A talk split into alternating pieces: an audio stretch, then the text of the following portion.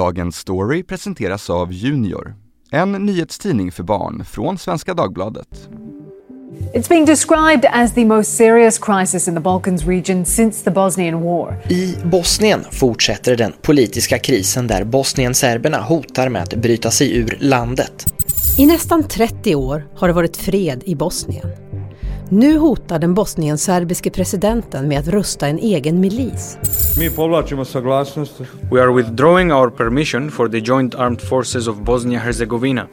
Vilken roll spelar fredssamtalen 1995 för att situationen har eskalerat?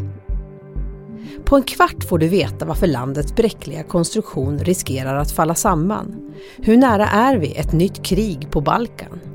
Nej, jag är klart orolig för den politiska utvecklingen i Bosnien under, under närmaste året, absolut. Det är måndagen den 7 februari. Jag heter Erika Hallhagen. Det här är Dagens Story från Svenska Dagbladet.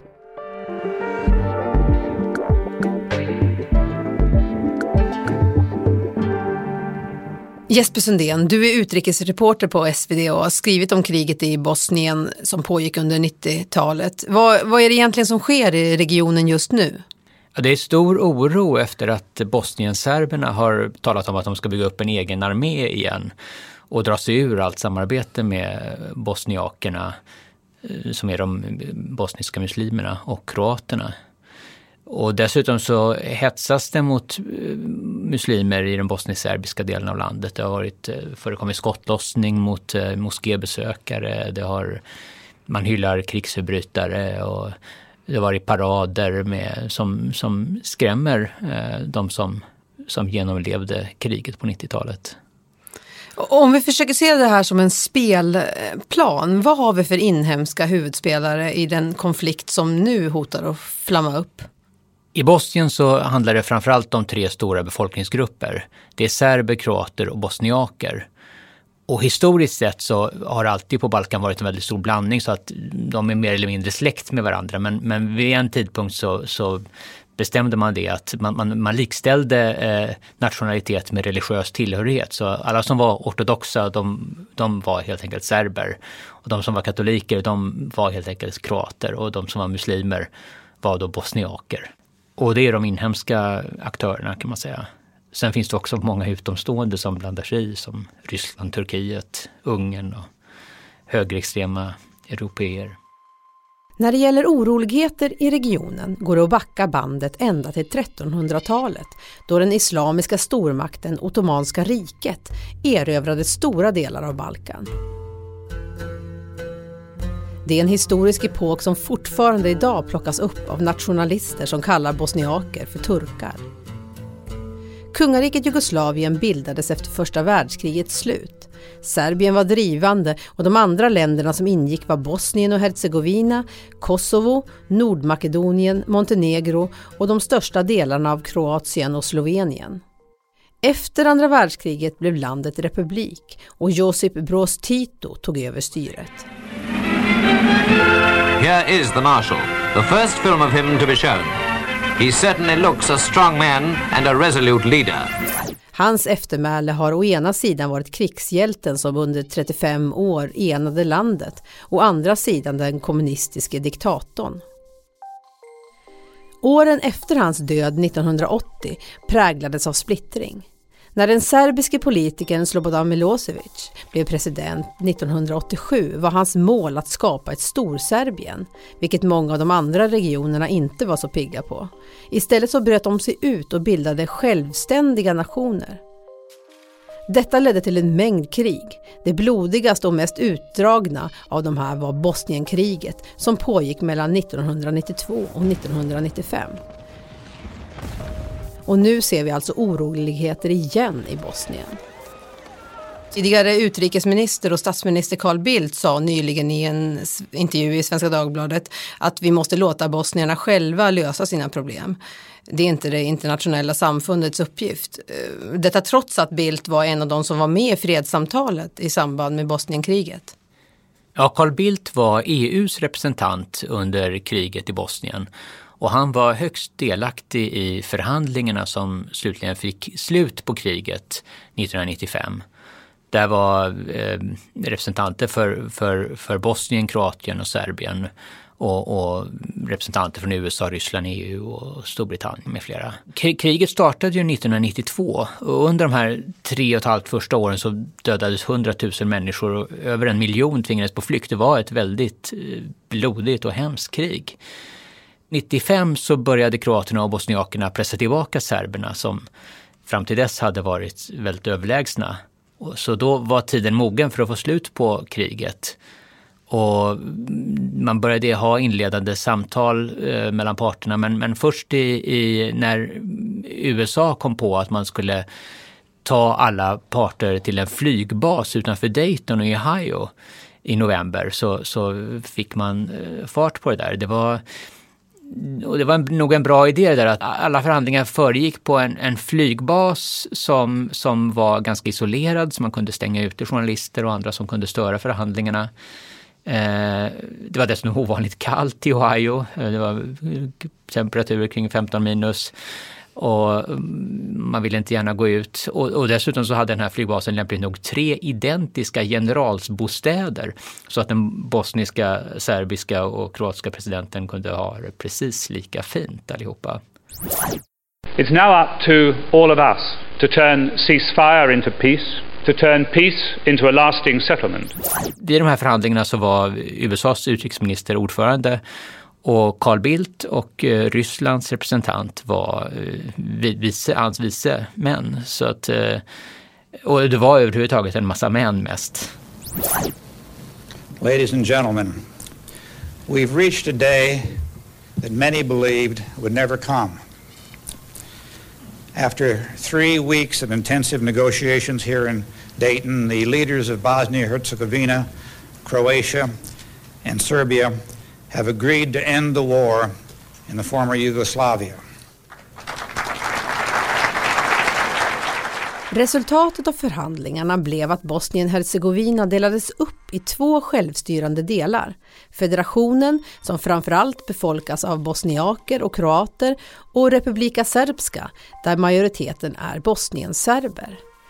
På nationell nivå har landet ett tredelat presidentskap som består av en bosniak, en kroat och en serb. Lösningen har kritiserats för att den bland annat understryker etnisk åtskillnad snarare än att överbrygga den. En av de närvarande Dayton var den dåvarande serbiske presidenten Slobodan Milosevic. Sex år senare ställdes han inför rätta av FNs krigsförbrytartribunal för brott mot mänskligheten. Han avled innan rättegången avslutats, men tribunalen fastslog att massakern i Srebrenica var ett folkmord. Vad var det egentligen som hände i juli 1995? Ja, Srebrenica är en stad som, som ligger i, i den del som, som bosnienserberna eh, utropade som sin rep, serbiska republik, Republika Serbska. Och under kriget så, så omringades staden av serbiska styrkor och, och FN beslöt 1993 att, att staden skulle utgöra en skyddad zon och hållas fri från väpnade attacker. Och för att skydda de civila så skickade FN dit en fredsbevarande styrka med 300 holländska soldater. Tyvärr så var de, eh, de var för dåligt utrustade för strid.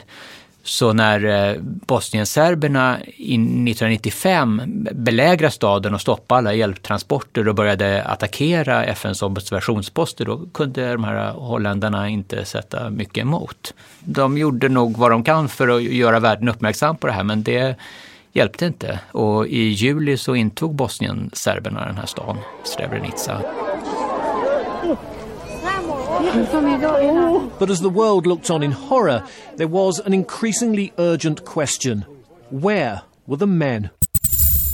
Och det som hände sen var att bosnienserberna mördade över 8300 bosniska pojkar och män i ja, det som var Europas första och värsta folkmord sedan andra världskriget.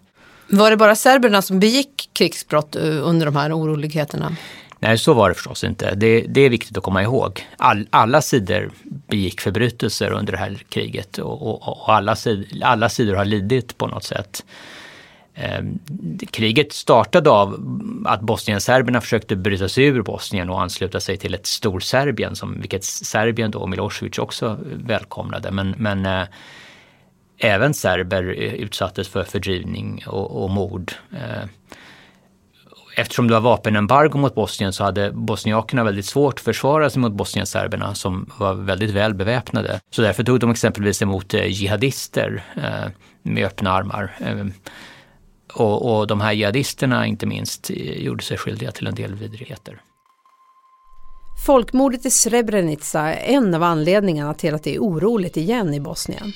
Detta efter att FNs särskilda sändebud satt att övervaka fredsprocessen och fungera som ett slags medlare mellan landets presidenttrio i somras gjorde det straffbart att förneka folkmord och hylla krigsförbrytare. Det fick den bosnienserbiske presidenten Milorad Dodik att kalla till presskonferens där han sa att det serbiska folkets överlevnad står på spel och att Republika Serbska måste samlas för att försvara sig. Tidigare hade Dodik inga problem med att prata om folkmord, men efter drygt 15 år vid makten har han blivit allt mer nationalistisk. Och nu har bosnienserberna dragit sig ur samarbetet med bosniaker och kroater och talar om att skapa egna institutioner och en egen armé. The Republika Srpska will control its own affairs in a legal, constitutional manner including by having its own army, judiciary, fiscal administration, as well as intelligence and security agencies. We will re-establish all these institutions. Dodik får stöd av Ryssland, Kina och Ungern. Vad har de att vinna? Ja, Rys Ryssland vill ju hindra att Bosnien närmar sig väst och, och blir medlem i EU och särskilt NATO. Eh, det var ju en chock för Ryssland när Montenegro gick med i NATO för några år sedan.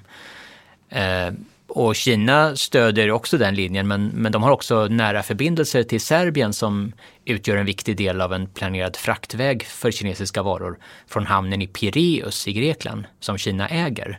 Så att eh, därför så håller de sig mycket väl med Serbien och även med, med bosnienserberna. Ungern har också goda relationer med Ryssland och Kina.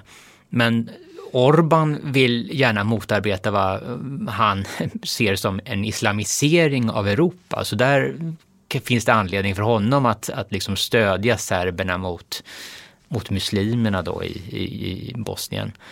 Och det är också en anledning till att många högerextrema runt om i Europa stöder bosnienserberna. Hur stor är risken att det blir krig? Det mest sannolika är inte att det blir krig. Eh, få vill ju ha ett nytt krig efter allt som de har varit med om. Och Dodik är en opportunist som använder sig av den här nationalismen för att behålla makten och pengarna. Och förmodligen så är han inte intresserad av, av ett nytt krig. Men vem vet, för samtidigt i det här spända läget så, så är det ju som den bosnienserbiske oppositionsledaren Branislav Boranovic sagt. I ett land med tre miljoner människor kan man alltid hitta några idioter som är beredda att tända elden. Vad hade kunnat gjorts annorlunda kring det där runda bordet i Dayton 1995? Det viktigaste 1995 det var ju att få slut på dödandet och striderna. Och det lyckades man ju med med Dayton.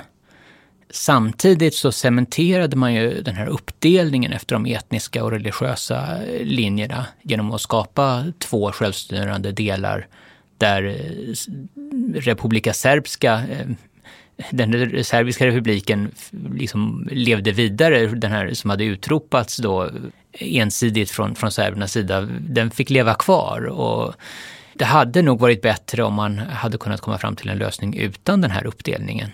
Och om det hade funnits en plan framåt för hur man skulle kunna återintegrera folken med varandra. Mycket står man ju och stampar på samma ställe som, som man var efter krigsslutet fortfarande. Då är du i princip benägen att hålla med Bildt om att man får lösa det här själva? Nej, jag tycker att omvärlden har ett ansvar att hjälpa bosnierna eftersom de prackar på Bosnien den här nuvarande konstruktionen som är väldigt snårig och, och, fungerar dåligt. De har ju flera regeringar och flera presidenter. Dessutom om, om västvärlden överger landet och låter bosnierna klara sig själva då, så innebär ju det inte att andra aktörer, utomstående aktörer, låter bli att lägga sig i. Så det är ingen bra lösning tror jag. Tack Jesper Sundén för att du hjälpte oss reda ut alla de här härvorna i dagens story. Tack själv. Junior är Sveriges enda nyhetstidning för barn. Vi skriver riktiga nyheter om Sverige och världen på ett sätt så att barnen förstår. Varför vi gör det? Vi vet att det är viktigt att läsa och att hänga med och förstå sin samtid. Och det går bra att du som betalare smygläser den förstås. Du som lyssnar på Dagens Story kan ge bort en prenumeration på sju nummer till ett nyfiket barn för endast 99 kronor. Det är 64% rabatt mot ordinarie lösnummerpris. Du tecknar den på svdjunior.se podd. Vi som gjorde programmet idag är producent Elin Romelioto, redaktör Maria Sundén Jelmini och jag heter Erika Hallhagen. Vill du kontakta oss så mejla till dagensstory.svd.se. Dagens klipp var hämtade från Sveriges Radio, Al Jazeera, SVT, TV4, C-SPAN, Radio Free Europe och United States Holocaust Memorial Museum.